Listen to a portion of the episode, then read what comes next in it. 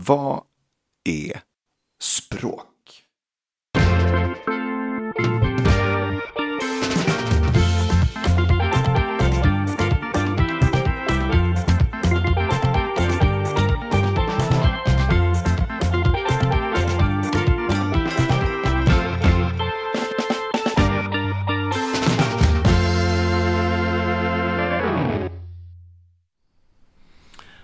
En jätteenkel fråga, verkligen.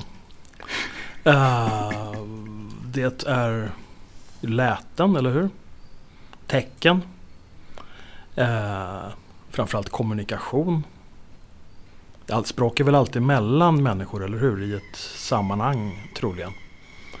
Jag vet inte om det här fågelljudet är språk också, men någon sorts signaler är det väl som de använder sinsemellan. Fast jag tycker inte man ska kalla det språk om det inte är så att säga kodifierat på det sättet mänskligt språk är. Och det kan ju andra varelsers och datorers för den delen språk också vara. Men, men eh, det är något speciellt med det här. Språk är väl ganska ofta loppplockning. Det är väldigt ofta så att man, man umgås med folk så pratar man bara som en sorts socialt smörjmedel utan att man egentligen vill komma någon vart.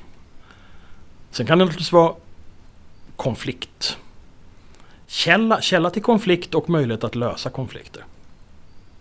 Eh, språk är ett sätt att förmedla kunskap men det är också verkligen ett sätt att ljuga på, inte sant? Det finns ju såna gamla grekiska idéer och möjligen även i andra kulturer om att det är genom språket som lögnen kommer in i världen. Vad har språk med lögn att göra? Ja, men man kan ju ljuga genom att prata. Man kan påstå saker som inte är sanna medvetet. Eller man kan eh, påstå saker som man kanske tror är sanna men som ändå är falska. Uh, och sådär. Jag menar, hur, hur ljuger du? Det går att ljuga utan språk också naturligtvis. Intressant, det har man väl sett att vissa eh, djur till exempel har förmågan att, apor inte minst, alltså schimpanser för mig har förmågan att, att lura varandra på olika sätt för att kunna få mer mat än andra och sådär. Men språk underlättar ju det här Verkligen, det är mycket, mycket lättare att ljuga eh, med språk än utan. Så att säga. Varför har människan språk? Ja, det är ju bara för att vi råkar vara de mest avancerade så att säga, djuren. Någonstans någon gång så passerade vi liksom en sorts gräns antar jag. Där de här praktiska lätena som man använder för att varna, för att locka, eh, för att förföra eller för att skrämma de passerar liksom en gräns någonstans där de blir till språk från att vara läten. Och när det här sker och hur det här sker och varför det här sker är ju någonting som det finns alla möjliga myter om, som jag sa hos grekerna. Men det finns ju också, så att säga, mer eller mindre vetenskapliga historiska teorier om det här. Liksom. Ingen vet ju vad det första ordet var för någonting. Och frågan är väl då om man ska vända på det. Kan det finnas ord utan språk? Alltså kan det finnas ett enstaka ord som är först och sen växer de andra ur det? Eller vad, vad det är liksom hönan och ägget? Det är väl höna och ägg kontinuerligt hela vägen till... Vilka ord tror du var den första typen av ord? Alltså de, den typen av ord som jag sa skulle jag gissa. Alltså varningsord ord för att skrämmas. Eh, ord för att förföra. Väldigt viktigt. Locka partners för att fortplanta sig och så vidare. Eh, vad kan det finnas mer för någonting? Alltså det finns ju de som har haft teorier om det här genom historien. Där, där till exempel Rousseau av alla människor menar att det första uttrycket, det första språkliga uttrycket var älska mig. Vilket kan vara en sorts förförelse yttring av något slag naturligtvis. Men det är också lite, lite speciellt. Jag tycker det är alltid intressant att Rousseau anser att det första skulle vara att man säger älska mig och inte jag älskar dig. Men återigen, Rousseau hade ju fel om det mesta så varför inte?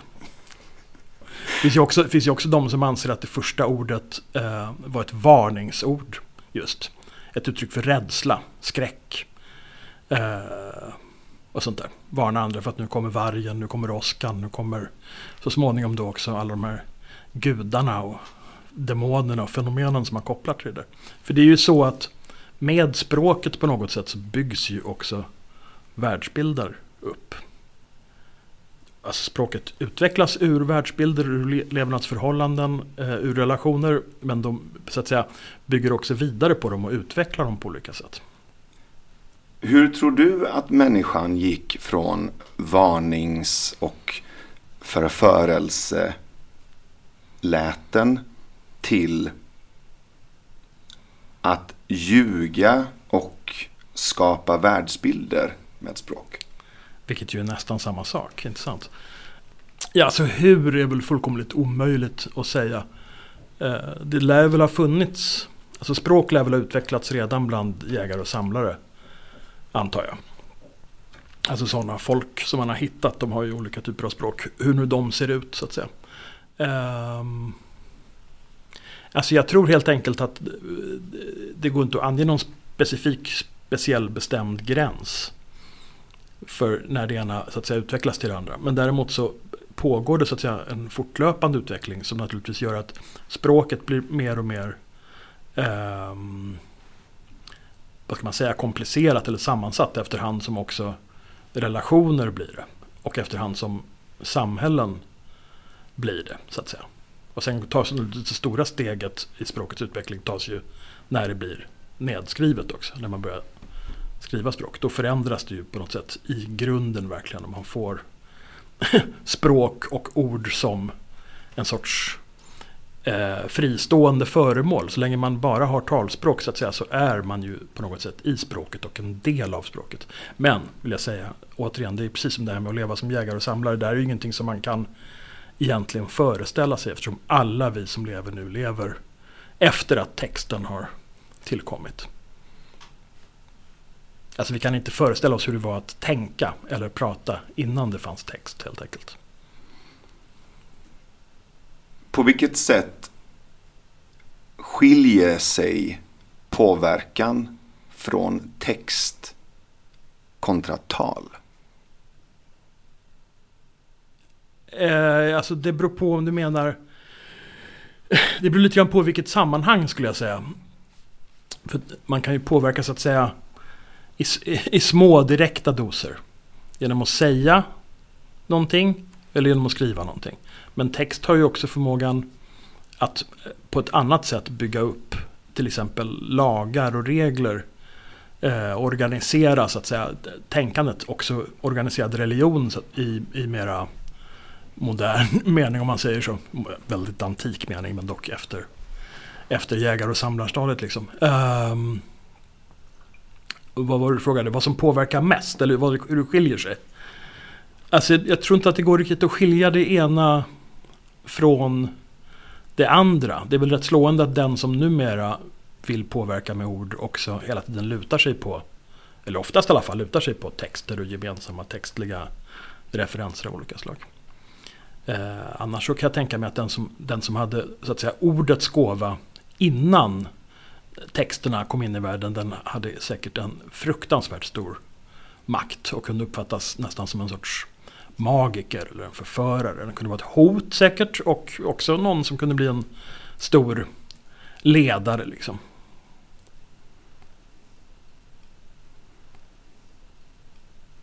Hur vet vi människor vilka ord vi ska använda för att kalla saker för det de är? uh, ja, det är någonting man lär sig efterhand. Eh, helt enkelt. Det finns ju inget så att säga givet.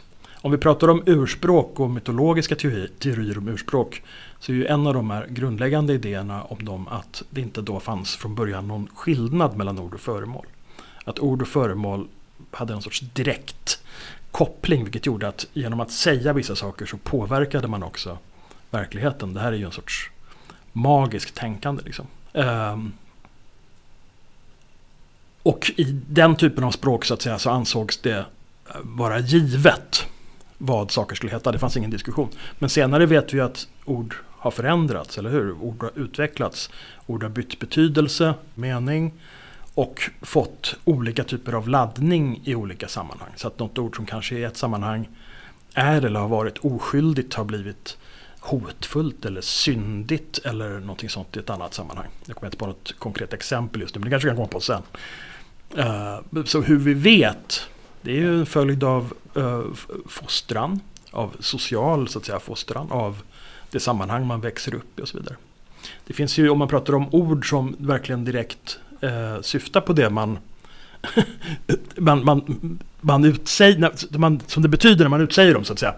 Uh, så finns det ju väldigt gamla och intressanta, också magiska närmast, idéer om det här med Noa-ord. Att vissa djurs namn fick man inte säga till exempel. För att inte locka dem till sig. Som vilka djur då? Ja, alltså i nordisk sammanhang så är björnen ett av de mest kända exemplen. För björn är ett ord som egentligen betyder brun. Och det finns, vi kommer inte ens ihåg vad björn egentligen från början hette på någon sorts ursprunglig protosvenska eller protoskandinaviska eller vad det kan vara för någonting. För att man vågade inte överhuvudtaget nämna björnen. För att då skulle den kunna komma.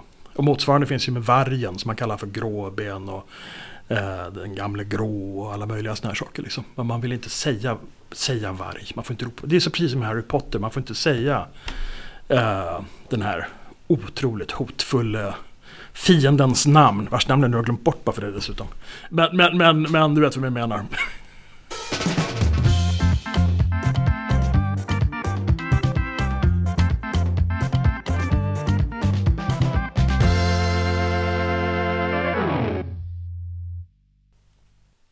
Vem kom på ordet Gud och hur kom de på att det skulle heta just det? Ja, det är också en sån fullkomligt, fullkomligt omöjlig fråga. Eh, men om man anknyter till det tidigare så är det intressant nog så att man inte fick, om vi pratar om den här judiska och kristna traditionen här, så fick man ju inte säga Guds namn. Man fick inte ens säga Gud. Eller hur? För att det var för farligt.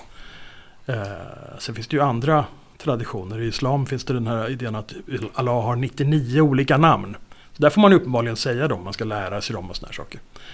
Eh, men vem som kom på det, det vete tusan. Det är också sånt som har utvecklats så att säga, under så fruktansvärt lång tid och för så oerhört länge sedan att det är nog i princip omöjligt att rekonstruera hur det går till. Fast däremot kan det ju vara roligt att rekonstruera det och försöka tänka på det, försöka komma på det. Även om man inte kommer fram till någon sanning så är det den typen av tankeövningar eller experiment, samtalsövning kan det vara också naturligtvis. Det kan ju vara väldigt roligt och väldigt stimulerande. Jag tror ganska ofta så är det, jag tycker att det är viktigt att prata om saker även om man inte kommer någon vart. Säkert så finns det någonting i den där liksom själva processen i diskuterandet och pratandet som kan leda vidare eller som leder vidare. Indirekt eller direkt, det spelar inte så stor roll. Liksom. Vem bestämmer vilka ord som är farliga och varför gör de det? Ja, där har vi ju olika, alltså dels finns det ju, alltså det är naturligtvis någon form av auktoritet som bestämmer det. Vilket kan vara olika typer av personer i olika sammanhang. I familjen kan det naturligtvis vara en förälder som säger nej, ni får inte säga kuk och fitta här. I samhället kan det vara eh, helt andra varianter. Liksom. I religiösa sammanhang Vissa saker får man inte säga. I, I, politiska sammanhang får man inte säga andra saker. Det är ju inte så att vi lever i en tid där det är fritt fram att säga vilka ord som helst och prata hur man vill om saker och ting. Och det där kan man ju naturligtvis eh, diskutera på olika sätt. Grejen, faran med det här när man förbjuder vissa ord tror jag, eh, är att man, man eh, därmed förbjuder man ju inte vissa tankar. Det går inte att hindra folk från att tänka. Det går inte att hindra folk från att tala som de vill i slutna sällskap och så vidare. Eh, så att jag tror att det där försöken att förbjuda olika saker är oftast, eller i princip alltid väldigt destruktiva. Så att säga. Det blir som att man försöker på något sätt täcka över någon konstig finne eller böld och så bara växer den och växer den och blir äckligare och äckligare under någon, vad det nu är för salva man har. Och de som gör det, varför tror du att de gör det? För att de vill kontrollera hur samtal förs. Varför? För att de är rädda för att folk ska få felaktiga idéer helt enkelt. Alltså det är ju ett sätt att styra. Att styra vilka ord man får använda och hur man får använda dem. Det är ju ett sätt att styra hur folk får prata.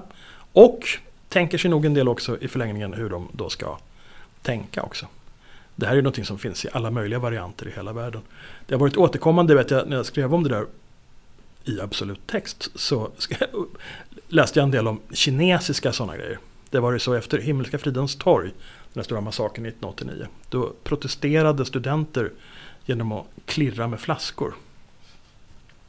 För tydligen kunde Och jag kommer inte ihåg vilket det var. Det antar att det var Xiaoping. Deng Xiaoping, hans namn på något sätt kunde uttydas som liten flaska eller klirrande flaska eller något sånt där. Så att de förbjöd klirr med flaskor. Eh, för att det ansågs vara en sorts, det är ju inte ett ord naturligtvis, men det är en sorts uttryck som man inte ville ha. Så att säga. Här i Sverige har vi massa olika saker som man inte bör eller får säga och göra. Och är man så att säga smart i offentligheten så anpassar man sig till det där. Vilket gör att offentligheten också riskerar att bli lite vrickad. Under vilken period av mänskligheten var alla ord tillåtna? Det tror jag inte har funnits någon sån period. Det skulle vara i paradiset i så fall. Uh, jag tror det har alltid funnits förbjudna ord av olika skäl. Av rädsla eller av, för kontrollbehov eller någonting annat. Men helt, helt fritt har det nog aldrig varit så att säga. Vågar jag påstå. Sen har det funnits fri, friare och ofriare perioder. Jag skulle säga att en stor del av 1900-talet var ju ändå ganska fri period. Det var också en period då läsning var väldigt utbrett. Eh, då liksom, ja, då det fanns liksom en sorts, en sorts offentlighet och en allmän bildningsnivå som gjorde det liksom det möjligt med ganska avancerade och kontroversiella diskussioner i offentligheten. Inte minst de här diskussionerna som var, om vi tar Sverige, omkring religion, religionsfrihet och frihet från religion som var under 50 och 60-talet. Det var ju verkligen banbrytande så att säga. Och det känns ju som någonting som man kanske borde göra om nu igen.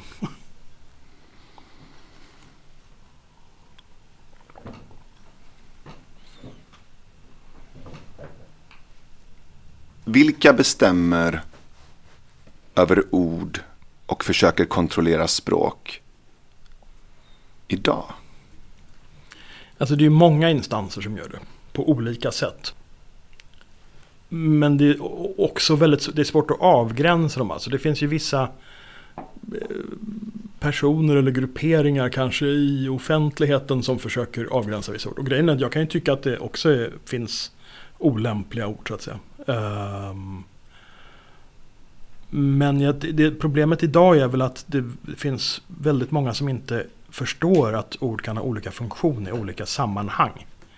Att kontexten avgör så att säga vad ett ord betyder. Och om det är till exempel då rasistiskt eller eh, hatiskt eller eh, homofobt eller vad du vill. så att säga. Eh, det påverkas ju också av sammanhang, vem som säger saker och sånt där. Ehm, och jag skulle säga att någonting som är besvärligt idag är att det, på, det pågår liksom en sorts kamp hela tiden. En känsla av om det offentliga rummet men också om akademin och om liksom vad man ska säga, hur man ska säga det, var man ska säga det, vem som ska få säga det. Eh, där det länge i alla fall har verkat som att de som är auktoritära och som vill förhindra jobbiga diskussioner har haft överhanden. Nu håller det på att ändras och då kanske det kommer upp otäcka personer av ett annat slag. Eh, det kan man väl mycket väl tänka sig. Fast jag tror ju just nu att det, det är bättre att även otäcka personer kan få yttra sig än att man försöker liksom täcka över. Som jag sa, återigen den här bölden. Liksom. Så det finns olämpliga ord? Alltså det, det finns ju olämpliga ord på så sätt att det finns ord som är eh, som, man, som man kan använda för att såra folk så att säga, på ett svepande sätt. Som är, verkar onödiga att använda. Kan jag tycka. Men jag tycker inte de ska förbjudas för det. Och återigen det kan ju finnas sammanhang där de fungerar. Av olika skäl. Det är lite abstrakt det här men, men, men, men, men, men eh, det berömda n-ordet till exempel är ett paradexempel på det. Som används av rappare helt obehindrat och det får väl alla lyssna på. Men sen får man inte upprepa en del av de här orden. Det ska man väl inte göra för det beror väl på vem man är som säger det så att säga. Um, samtidigt så finns det någon sorts det har ju varit flera fall med de här som har anmält lärare på universitet sånt där för att de har sagt det. Till exempel hon i Uppsala som sa det för att hon hänvisade till hur man skulle göra en sökning i ett arkiv och så blev hon an, an, anmäld för det. Det är ju uppenbarligen att den här studenten var ju antagligen inte särskilt skärpt och förstod inte att det är skillnad på att använda ett ord så att säga direkt och att göra det inom citationstecken så att säga. Att tala om ordet och att använda ordet.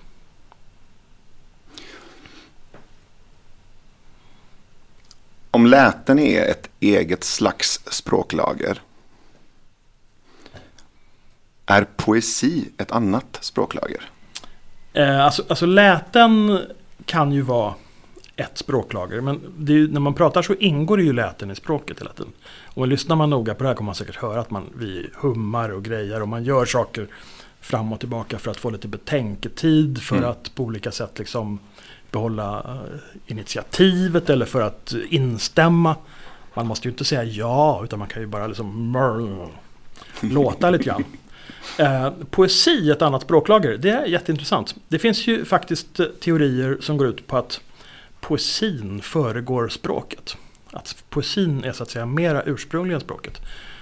Eh, och om jag ska låta mig vara så här, om man inte ska vara bara svenskt praktisk och tänka att det bara är varningsord och sånt där. Kan man ju tänka sig att någonstans där när varningsorden, lockropen, eh, vad det nu kan vara, börjar liksom utkristallisera sig till språk så händer det ju någonting också. Det finns ju en sorts lust i det här att leka med orden. Och forma orden på olika sätt. Och då föreställer jag mig att kanske, kanske poesi är övergångsformen mellan enstaka ord och ett helt språk. Att språket på något sätt uppstår ur poesin. Det kan jag verkligen tänka mig. Eller ur poesin eller ur den poetiska driften. Men då är det fortfarande talad poesi så att säga. Det är ju inte nedskriven.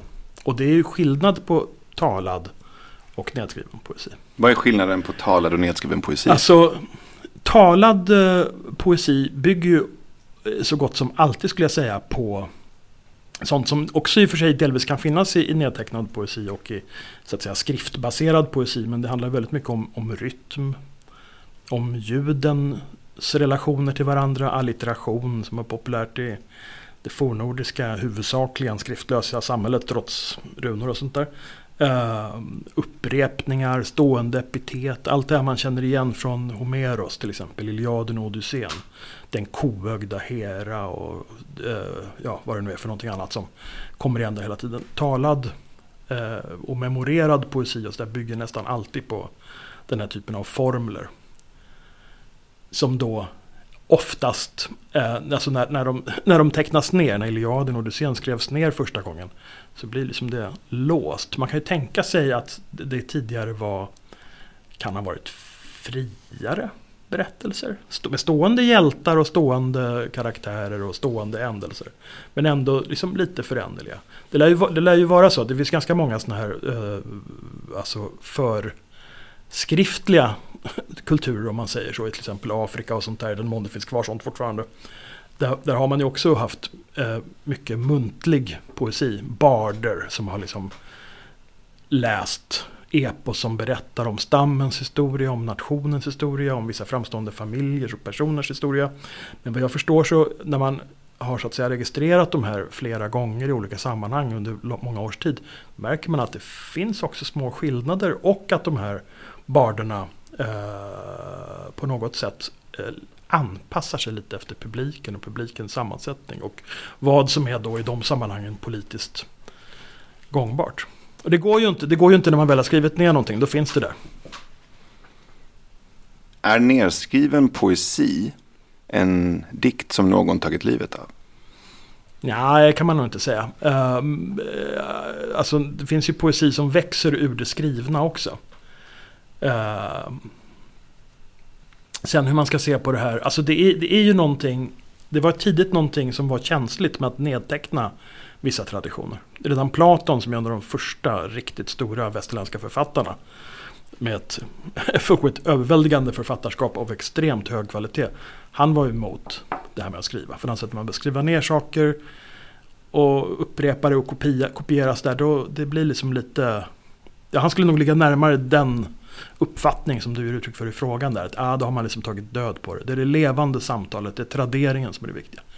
Det där fanns även till exempel ironiskt nog i judisk tradition. Eh, tanken att man, vissa saker skulle man inte skriva ner. För när man skriver ner dem då dör de just. Då blir de förstelnade. Liksom. Men sen var man ju ändå tvungen att skriva ner dem under de många åren, årtusendena nästan, i diaspora. För att annars så skulle man vara så splittrad, inte klara att hålla ihop det och bevara traditionen. Man var tvungen att skriva ner dem. Liksom. Men det finns en skepsis mot det här med det nedskrivna.